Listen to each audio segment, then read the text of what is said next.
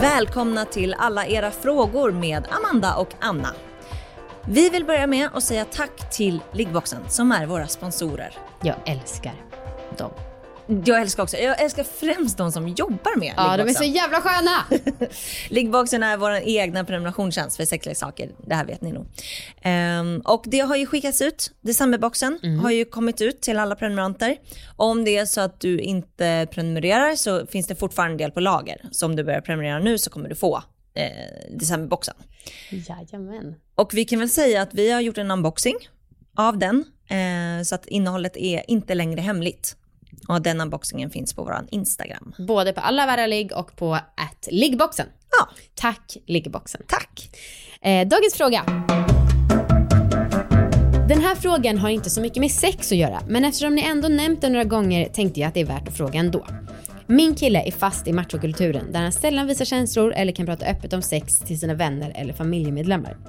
Vi två har en rätt öppen diskussion om sex, men när det kommer till känslor är han som en vägg. Visst, han kan vara romantisk och så, men när jag frågar hur han mår när jag märker att något är fel kan han sällan sätta ord på känslor och borstar ofta bort frågan.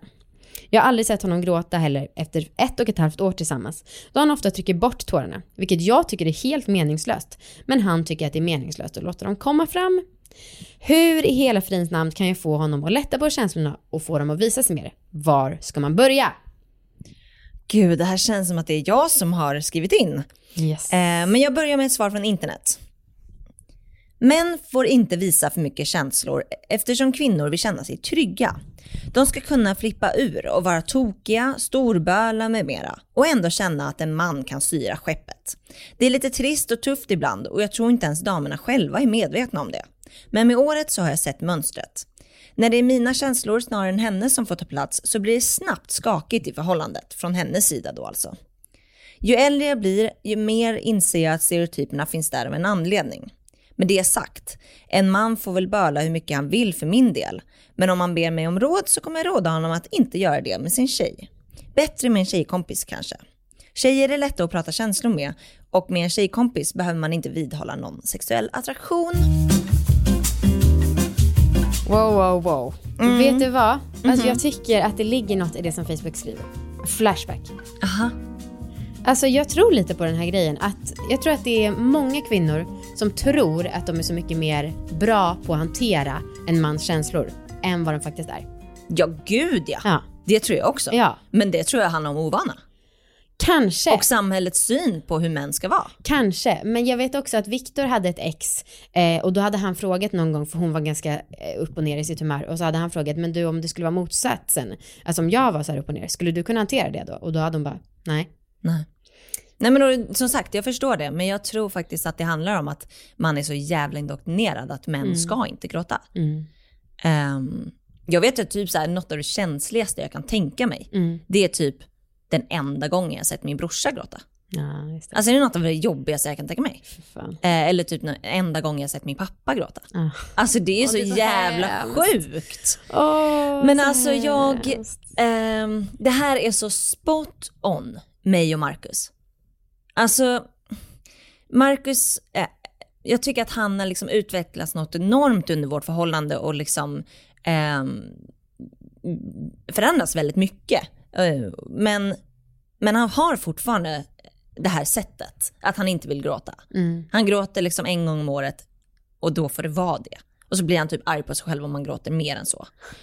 Ehm, men jag har ett supertips. Är det sant? Ja, och det är, och det här har jag ju nämnt i allvarlig, ligg, men jag och Marcus hade ett bråk, eh, ganska stort bråk för eh, inte så länge sedan. Och då så blev jag inspirerad av eh, min och Amandas coach som vi går till. Eh, som, eh, ja, som visade, eh, som, där vi, när vi går till den här coachen då får vi svara på en fråga som vi båda ställer. Eh, så får vi svara på den genom att skriva eh, grejer på lappar var och en för sig och sen får man presentera det här för varandra. Och jag gjorde det här när vi, jag och Marcus hade det väldigt dåligt och då så hade jag skrivit upp en del frågor på lappar och sen så fick vi skriva då var för sig och sen fick man presentera. Och det här tycker jag är, har gjort en otrolig förändring i Marcus sätt att snacka om saker. Jag tror jättebra. Och att vara sårbar och han liksom, det blev på något sätt greppbart för honom. Ja. När man gör det lite som på jobbet. ja, ja. Alltså han berättar att det- här är liksom en taktik de gör på jobbet. Mm. Eh, men jag har tagit det till en relationsnivå. Så jävla och han bra. tycker att det är, han tycker att den är liksom revolutionerande för vårt förhållande. Eh, och det tycker jag också. Så jävla kul. Och nu har vi gjort, eh, efter det här bråket så har vi faktiskt gjort en avstämning och vi har beslutat oss för att göra en avstämning typ en gång i kvartalet. Ja. Där, vi, där vi får svara igen på de här frågorna eller skriva nya frågor. Så jävla Eh, bra. Vad har så- ni för frågor då? Ja men det är typ så här, hur, vill, hur ser vi våran tid tillsammans? Hur skulle vi vilja att en vecka var? Eh, I form av aktiviteter och liksom hur mycket tid vi spenderar ihop. Hur vill vi att vårt sexliv ska vara? Hur vill vi att viben ska vara hemma? Ja men lite sådana grejer. Eh, vad tror vi att eh, vi har för förväntningar på varann? Ja men lite, lite allt möjligt. Eh, så det skulle jag verkligen rekommendera den här tjejen till. Att i, införa någon slags liksom, utvärderingssystem. För att få din kille att öppna upp sig. För jag tror att det är fruktansvärt jobbigt att ha det så här. Ja, verkligen. Eh, och som sagt, tänk också på ditt eget mottagande. Visst, man kan ju skylla på att du kanske är ovan, men eh, eh, på samma sätt som vi brukar säga att man måste vara man nog för att göra vissa saker, så måste du i det här fallet vara kvinna nog för att kunna hantera hans då eventuellt jobbiga känslor. Gud ja, verkligen. Verkligen. Ska vi läsa expertens svar? Ja, experten är utforskasinnet.se psykologi.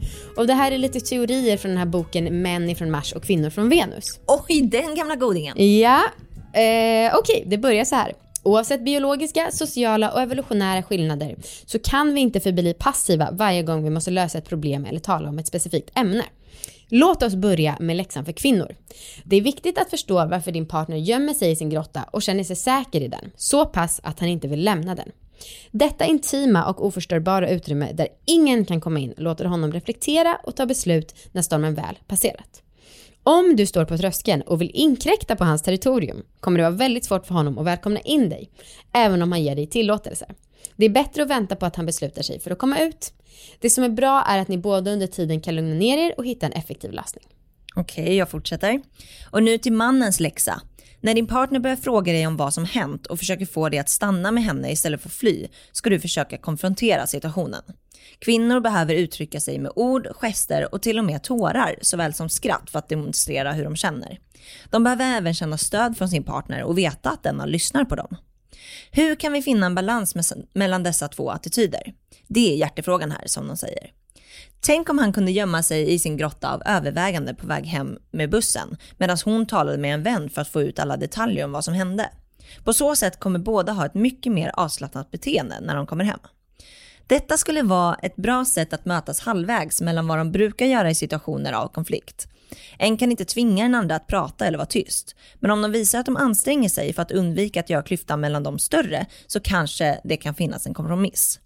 Framförallt så kommer de kunna undvika att delta i gräl som skadar förhållandet. Att sätta sig i den andra personens skor och förstå denna är det första steget mot att undvika konflikter och njuta av livet tillsammans. All right. Alltså jag har aldrig läst den här boken, bara så du vet. Nej, Det känns som att den har fått en del skit. ja, jag har inte heller läst den. Nej. Jag har bara hört om den sedan alla tider Ja. tillbaka. Ja, eh, det var det. Hej då! Hej då! Glöm inte att vi släpper avsnitt exklusivt i Podplay-appen också varje måndag. Så att vi släpper ett i vanliga flödet och sen ett i Podplay. Och eh, Podplay når, når man om man laddar ner appen eller på podplay.se. Ja. Och allt är ju gratis och så, så att, eh, det är bara så att gå in där och lyssna. Hej då igen! Hej!